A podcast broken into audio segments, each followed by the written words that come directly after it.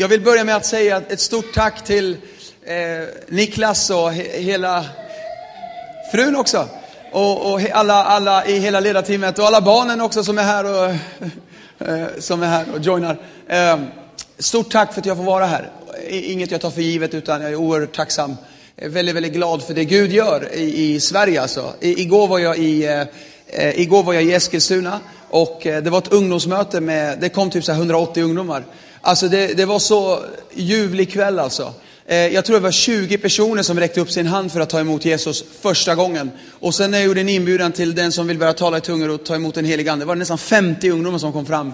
Och bara liksom, flera började tala i tungor. Jag fick precis ett sms från en av eh, mina ungdomsledare i Stockholm som också följde med för att vara förebedjare. Hon berättade att en tjej hon bad för sa, Snälla be för mig, jag vill bara komma tillbaka till Gud i mitt liv. Så här. Och så ber hon för henne under tårar och så säger hon, eh, ehm, eh, eh, vet du, får jag be för dig till andens dop? Och så ber hon för henne, eh, ta emot, när hon bara säger eh, heligande, ehm, eh, Jesus döp mig heligande. När hon säger Jesus döp mig heligande, direkt börjar hon spruta i tungotal. Vem sa att Gud är långt borta? Han är så nära så det är inte, ordet är dig nära, i din mun och i ditt hjärta. Frälsningens tid är nu guys, frälsningens tid är nu. Hörni, så här är det för mig. Eh, jag predikar bättre om jag hör det, om jag hör er. eh, eh, när jag gifte mig, så eh, min fru hon var katastrof på att laga mat. Vi var 18, snälla någon. Så här, jag var gift med när jag var 18 på riktigt. Så tyvärr säger jag gift, släpp tanken. nej men, eh, kan man hissa upp den här? Ja, nej, okej, okay, coolt. Ja. nej men eh, när jag, eh, alltså det gick ju inte bra för henne. Liksom man skulle ta spagetti, då följde hela kastrullen med nästan. Så här. Men hon lärde sig. Och, eh, eh, och min pappa gav mig ett tips, jag beklagar mig över, ja pappa han kan inte laga mat, vad är det här? Så här, och min mamma hon kommer vara kock i himlen, det, det, är den nivån. Så, här. så, här, så um, vägen till hjärt, eh, mannens hjärta går genom magen. I alla fall för mig. Nej, typ. Så, här, um, så um, sa han, min pappa sa tips till mig, Habibi, när du äter hennes mat, gör mycket ljud. Han, säger, han sa, gör mm, wow, oui. men gå och ät kebab innan. Men kom hem och säg mm, wow, oui. Så här, åh oh, vad gott, walla det här är jättebra. Eh, duktig fru. Så, här. så säg saker, säg saker, för att ju mer du gör ljud, ju mer uppmuntran du ger, desto bättre kommer hon bli. och det stämde. jag säger inte idag att jag behöver, förstå mig rätt, jag är ganska eh, förstå mig rätt när jag säger, jag är trygg i mig själv, men det händer någonting i ett rum när du ger respons till Guds ord. Inte kanske att jag blir peppad, men den som sitter bredvid dig blir peppad. Eh, det händer någonting med grannen. Jag tyckte det var så intressant Sara, där du läste den här texten om Paulus och Silas. Och, eh, eller var det Paulus och Silas? 16? Ja, det står ju att de lovsjöng i fängelset, men inte bara deras fängelsedörrar öppnades, utan det som hörde deras sång, deras fängelsedörrar öppnades. Det innebär, mina vänner, att det kanske är någon här som inte kan sjunga, orkar sjunga, kanske kampen är för tung. Men för att du bestämmer dig och put some praise on idag och ta ut det och ta fram det, inte bara hålla det inne. Det kommer kanske öppnas fängelsedörrar för andra. Det gör någonting i ett rum när du responderar till Guds ord, när du säger amen, tack Jesus, när du ställer dig upp och applåderar och kör en African dance. Alltså, är du med? Du, eh, jag säger inte det här för att skapa hype. Vi håller inte på med hype, vi håller på med hopp. Eh, det händer någonting i ett rum om du eh, är med och predikar med mig. Om inte du vet så här kyrktermer, säg vad du vill. Säg, eh, walla det här är bra, eller preach it bro, eller kebabsås, yeah! Exakt, ni kommer ihåg, duktiga ni är. Så, jag sa det på NEM någon gång, ropa kebabsås om ni tycker det är bra.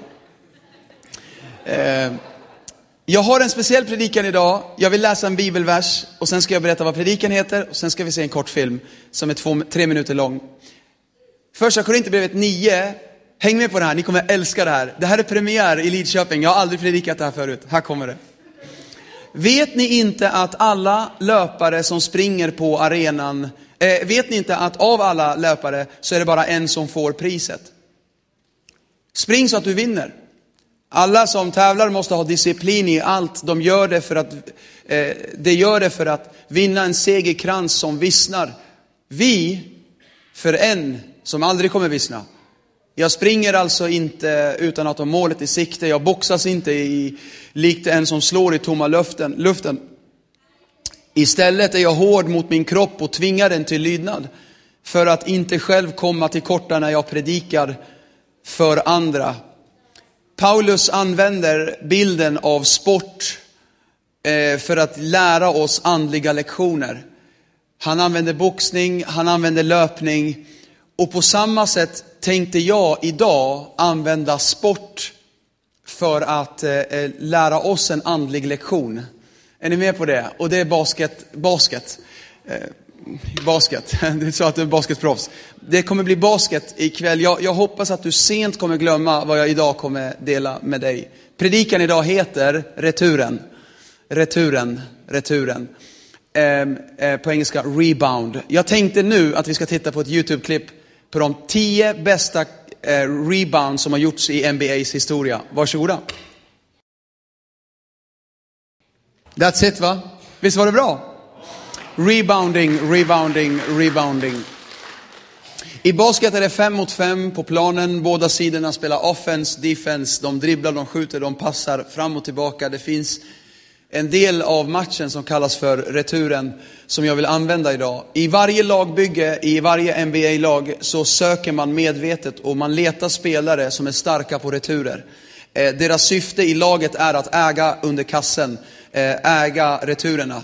Eh, de anses vara extremt värdefulla för laget eh, för att, eh, bara för att ta returer. En del av dem kan inte ens skjuta ett skott, eh, de gör knappt några poäng. Eh, de lunkar hit och dit och bara liksom, eh, ja, har en klubba i alltså, liksom, de, Vad gör de på matchen egentligen? Deras jobb är att äga under kassen. De puttas lite här och där, men deras time to shine är när tillfället kommer, när ett skott missas, då ska de ta returen. De äger under kassen, hoppa högst, ta bollen och de tjänar miljoner med dollar för att bara göra den grejen på grund av deras förmåga att ta returer. Anledningen varför returer är så viktiga i basketsporten är för att i basket så missar man fler skott än man sätter. Därför behöver de lära sig att ta returerna för att ens ha chans att vinna en match. Det är väldigt ovanligt att de ens sätter 50% av sina första skott. Den högsta procentsatsen i bästa laget i NBA ligger på 43 procent på första skotten. Det innebär att man missar fler skott än vad man sätter och det är upp till någon i laget att ta returen om vi ens ska vinna den här matchen. I college-nivå går det till 30 procent, svensk basket 28 procent. Det här är inte sant bara i basket guys. Det här är sant i livet också. Returer är väldigt, väldigt viktiga i livet. Vi har alla skjutit skott som vi har satt. Vi har alla sökt ett jobb som du kanske har fått. Vi har alla haft en dröm som du gick efter och det faktiskt flög. Vi har alla sökt för någonting och kommit in i ett lag eller i någonting i skola, utbildning. Du sköt ett skott och det satt. Fantastiskt. Men vi har också skjutit skott och missat. En del har missat i äktenskap, en del har missat i en möjlighet man fick på jobbet, en del hoppades på en lägenhet men missade chansen. Och man får sjukt mycket uppmärksamhet när man sätter skotten och man får praise and honor när man sätter dem. Men vad gör du i livet när du missar? När ingen applåderar? När allt var tänkt att du skulle höra nätet swish men du hör inte någonting.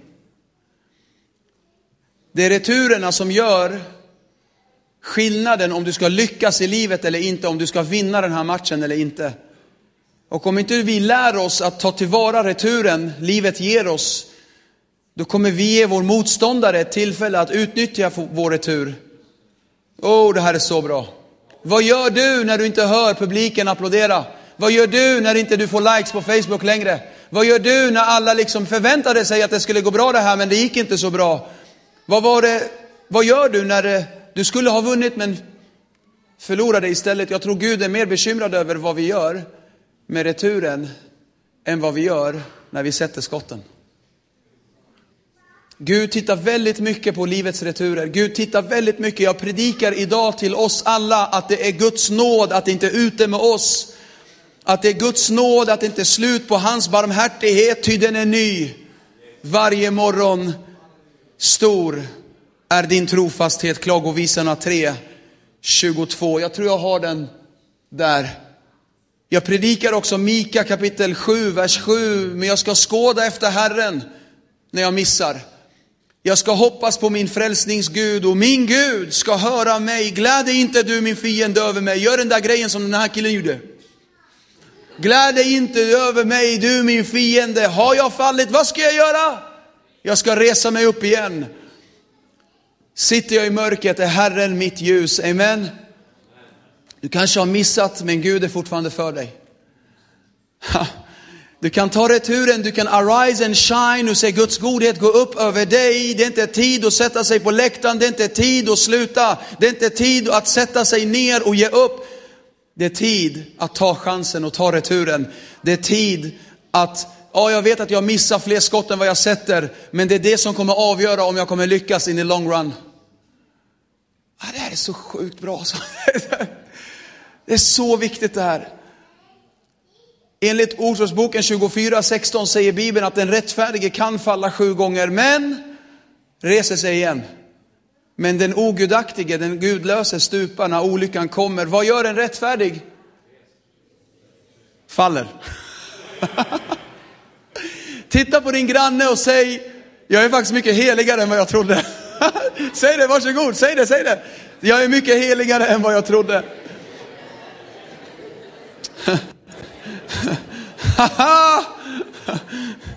Den bibliska definitionen av en rättfärdig person är att den personen faller. Men skillnaden är att vi stannar inte liggandes utan vi reser oss upp. För att Bibeln säger att genom Guds nåd ska vi ta returen och genom Lammets blod och vittnesbördets ord ska vi besegra fienden. Amen. Det är tid att resa sig upp och det som bevisar att Gud har rättfärdiggjort dig genom Jesu Kristi blod, det är att jag faktiskt reser mig igen. Gud vill inte att du ska leva i skuld, fördömelse. Gud vill inte att du ska leva i det som har varit. Gud vill att du ska titta framåt när du kör bilen, inte i backspegeln. Det finns tre grundtextord för synd. Hata, avon och pesa. Hata, avon och pesa, de finns i psalm 32. En av dem betyder att missa målet. Ett av ordet för synd i grundtexten är att missa målet. Och Bibeln säger i Romarbrevet 3, alla har vi syndat, med andra ord missat målet, missat. Alla har vi missat och gått miste om härligheten ifrån Gud. Alla har vi missat skott. Alla har vi misslyckats. Enligt manualen i basketsporten eh, kan man läsa att för att vara en stark rebounder måste du ha tre ingredienser måste du göra tre viktiga saker om du ska kunna ta en, en retur. De här tre punkterna vill jag skicka med dig ikväll och sen ska vi be. Punkt ett, jag behöver hålla mina knän böjda. jag kan inte ens hitta på det här, det är liksom... Ja. Keep your knees bent, säger manualen. Keep your knees bent, håll knäna böjda. Om du ska lära dig att ta returerna behöver du lära dig att böja dina knän inför Gud i ödmjukhet. Tänkte, vad blir det för applikation? Nej, jag får till det, jag får till det, come on. Håll knäna böjda betyder, var snabb till omvändelse. Saliga är ni när ni sörjer, ni skall få tröst. Det handlar inte om att sörja över någon har dött eller så. Sörj, ordet sorg är att vi sörjer över synd. När du sörjer över synd, när jag sörjer över det som har varit, när jag är snabb till omvändelse, salig är du då, för då ska du få nåd. Salig är du när du sörjer över synd, då ska du få, då ska du få nåd. Håll knäna böjda. Lev i omvändelse. Säg Gud förlåt, jag har syndat. Jag vet att du inte överger mig. För jag vet att du inte du är färdig med mig. Jag vet att du är en Gud som inte ditchar där du börjar. Du kommer avsluta det intill Jesu Kristi dag. Jag vet att du är en Gud som alltid avslutar det du påbörjar. Jag vet att du inte sviker. Men jag tackar dig att du inte överger mig eller lämnar mig. Jag tackar dig Gud att jag nu reser mig upp i din kraft och att jag inte tillber dig på grund av vad jag gör utan jag tillber dig på grund av vad Kristus redan har gjort. Det står i Bibeln att när vi ödmjukar oss, då står det i andra krönikeboken, när mitt folk som är uppkallat efter mitt namn ödmjukar sig och söker mig och omvänder sig från sina onda vägar, då vill jag höra det från himlen och förlåta deras synd och skaffa läkedom åt Sverige och Lidköping. Jag sa Lidköping va? Jag nästan sa Lin, Lin. Min fru frågade i telefon, Linköping, Lidköping, vilken är närmast? ja. Om jag har fallit, faller jag i Jesu armar. Jag söker mina bröder och systrar i kyrkan, jag, jag springer inte ifrån dem. Jag söker upp dem, för det är det vi gör. No perfect people allowed, står det på dörren. Vi faller, men vi reser oss upp. Vad motståndaren gör i den stunden, det är att han säger till dig, du är inte bra nog för att be. Du är inte värdig Guds nåd, Gud älskar inte dig. Men vet du, om du bara håller knäna böjda, om du bara är snabb till omvändelse, om du bara är mjuk i ditt hjärta, det spelar ingen roll vad du har genomgått, konkurs, skilsmässa, depression, missmod, misslyckade försök. Om du håller knäna böjda, då kommer du ta returen på det här och psalm 30 deklarerar att på kvällen gästar gråt. Men på morgonen kommer jubel. Halleluja. Nummer två, om du ska lyckas vara en bra rebounder, en bra ret en returtagare, då behöver du hålla händerna i luften också. I know. Ja, ja, ja, ja, det, är, det är bra, det är bra. Jag tänker fortsätta knä, böja mina knän, hålla mina knän snabbt till omvänd, böja mina knän inför Fadern. Jag tänker fortsätta tillbe, för tillbedjan är också trons språk och jag kommer lyfta mina händer. För jag inser att precis som ett litet barn sträcker sig mot sina föräldrar och säger, sträck, ta mig upp mig pappa. Så sträcker vi våra händer mot himlen och säger, Gud lyft mig till en klippa som är högre än jag. För jag försmäktar här nere. Uff. När vi lyfter våra händer så kapitulerar vi inför Gud Fadern och vi lyfter våra händer i tillbedjan. Och jag säger, jag vet att jag, det är inte seger i det fysiska, men jag vet att det är seger i det andliga. Och jag tackar dig att jag idag får lyfta mina händer och att du ska ta mig ut ur den här elden och det ska inte lukta ens bränt om mitt hår när jag kommer ut härifrån. Kan alla bara slänga upp sina händer just nu och tacka Jesus, bara titta upp mot himlen, bara tacka Jesus, tack, tack Jesus. Jag tänker vara snabb till omvändelse och jag ska fortsätta lyfta mina händer i livets missmod. När, när fienden kastar missmod mot mig, då ska jag lyfta mina händer mot Gud som ger mig nytt mod. Var vid gott mod, säger du Jesus, ty jag har övervunnit den här världen. Jag ska gott göra dig för de åren som gräshoppan har ätit, Joel 2, 25. Mitt i kampen, mitt i utmaningen lyfter jag mina händer i, din, i ditt hus, Herre. Och jag tackar dig och jag ska ta returen på det här. Jag bestämmer mig nu att jag ska ta returen på det här. Jag ska inte gräva ner mig i missmod. Amen. Bestäm dig inte ha ett piripari. Den enda som dyker upp på sådana kalas är djävulen själv. Han har till och med partyhatten med sig. Tyck inte synd om dig. Det är inte synd om oss. Det var synd i oss, men Jesus tog hand om det. Gå inte rätt, runt och förbanna med munnen. Böj dina knän och lyft dina händer. Nummer tre, positionera dig rätt. Positionera dig rätt. För att vara en bra och stark rebounder måste du stå rätt. Och det betyder då, då säger manualen att du måste trycka ner hela fotsulan. Du måste vara, alltså ganska, trycka ner fötterna så här, böjda knäna och faktiskt sträcka ut benen för att boxa ut motståndaren.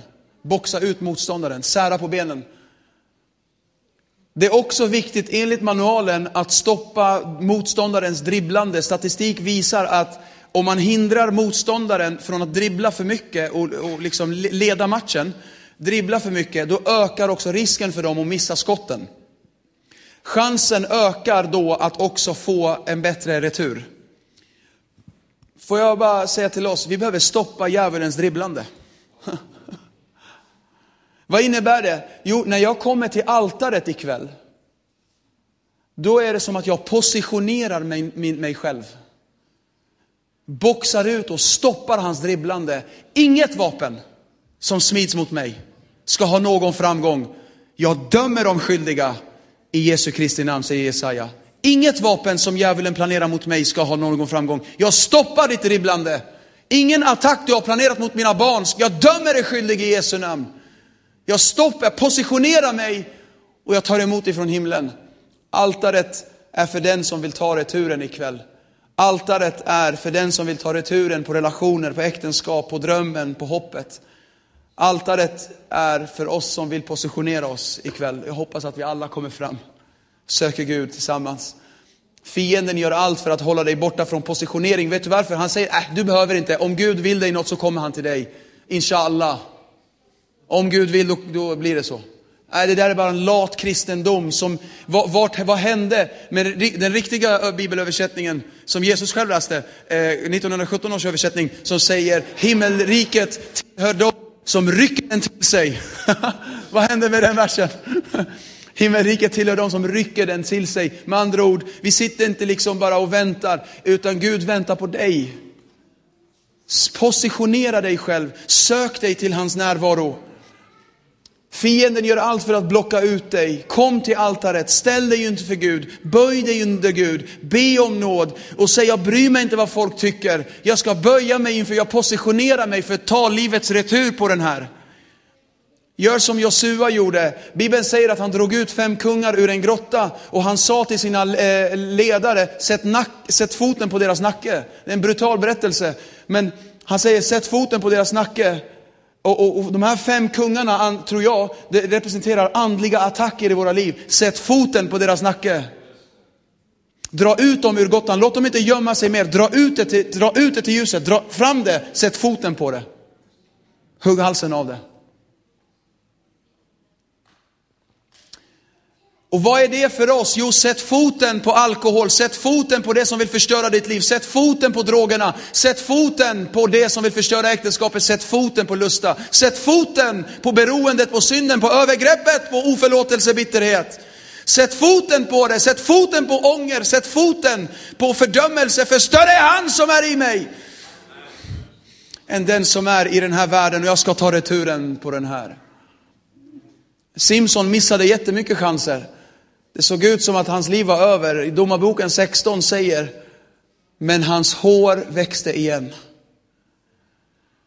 Hans huvudhår började växa igen sedan det hade rakats av. Det här är, jag hinner inte gå in i detaljer, du får läsa berättelsen, men det är en bild för att hur Gud, Guds kallelse kom tillbaka, hur smörjelsen kom tillbaka, hur Gud lät honom bli använd igen. Hans hår växte ut igen. Han klippte av det, han, han sumpade chansen, han missade. Han, vet du vad han gjorde här? När, när, det står att han bad Gud, förlåt, använd mig igen. Och, och så står det att hans hår började växa igen. När han böjde sina knän, när han, när han lyfte sina händer till Gud och lyfte sin blick mot Gud. Och när han positionerade sig så Gud använd mig igen, låt mig få bli din mun igen. Bara en gång Gud, låt mig hämnas på alla dina fiender. Och Gud, låt håret växa igen. Och Gud hörde den bönen och Gud använde honom trots att han hade sumpat chans efter chans efter chans efter chans. Men vet du vad jag har lärt mig? Det är det sista varvet som avgör loppet. Det spelar ingen roll hur det ser ut i mitten. Det är vad du gör i slutet som avgör hela loppet. Nu, nu, nu känner jag att ett ord hänger i tungan nu. Tyngaste. ah, nej. Okej. Okay. Domarboken 16.30 säger det som han dödade vid sin död var fler än den, det som han hade dödat under hela hans liv. Det säger oss att även om din början är ringa så kan du till slut bli väldigt stor. Jobb 9-7. Om du tillåter det så kommer Gud låta dig ta returen på kallelsen, på tjänsten.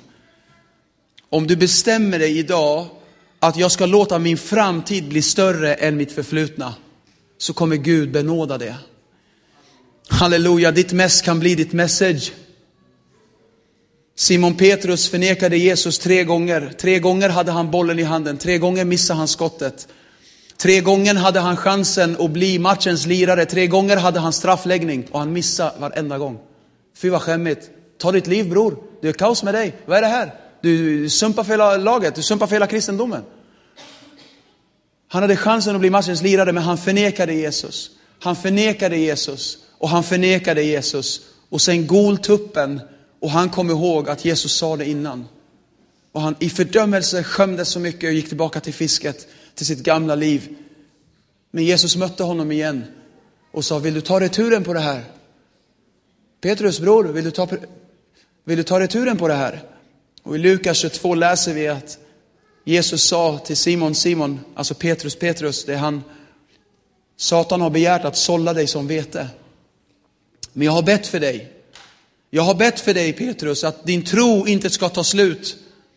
Att när du en gång har omvänt dig, styrk dina bröder. När du tar returen på det här, styrk dina bröder. Med andra ord, var inte rädd att skjuta bollen igen. Var inte rädd att, plocka upp matchen igen. Var inte rädd att ta på dig gympaskorna igen och gå ut på plan igen. Var inte rädd. Gå inte runt och tänk, Gud ska inte använda mig, jag har ju missat tre gånger. Tänk inte så. Så länge vi lever finns det hopp. För Jesus sa, jag ska passa bollen till dig på pingstdagen. Och då ska du ta chansen och han gjorde det. Han stack ut huvudet och predikade evangeliet och 3000 personer blev frälsta. Han fick träningsverk i sina armar när han döpte allihopa. Tänk vi, Niklas när vi får ah, träningsverk i armarna, man behöver inte ens gå till gymmet längre. Wallah, vi döper så mycket längre. Ah, underbart, eller hur? Finns ingen gräns på vad Gud ska låta dig betyda för din omgivning, generation, för din skola, klass, arbetsplats. Om du bara väljer idag att ta returen på det här. Låt inte det fienden kasta på dig knäcka dig, låt det istället bli elevera dig till nästa nivå. Har ni hört om åsnan som eh, den här eh, åsneägaren var trött på? Han var så trött med den här åsnan, han bara, jag vill inte ha dig, kasta den i en grop. Så här. Och så började skyffla sand över den för att begrava den här åsnan. Han var så trött på den här åsnan. Och skyffla sand. Men då tänkte åsnan så här, ska jag ta skiten som kastar på mig eller ska jag ställa mig på den? Åsnan bestämmer sig att ställa sig på sanden som kastades och gruset. Det kommer på honom, han gör så här, ställer sig på det. Det kommer på honom, han gör så här och ställer sig på det. Det kommer på honom, han ställer sig, gör så här och ställer sig på det. Till slut var han uppe igen.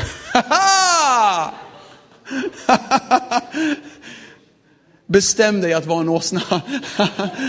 Ta returen på det här. Ta returen på det här.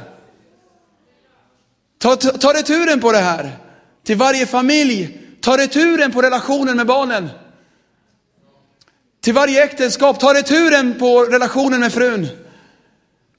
Gud vill inte att du ska leva ett liv i ånger, i fördömelse. Gud vill att du ska resa dig upp. Kan bandet komma fram? Tack så jättemycket. Vi ska alldeles strax landa och jag skulle vilja att hela rummet ställer sig upp. Jag skulle vilja att vi går in i den sången som eh, Fanny Crosby är en kvinna som var född blind.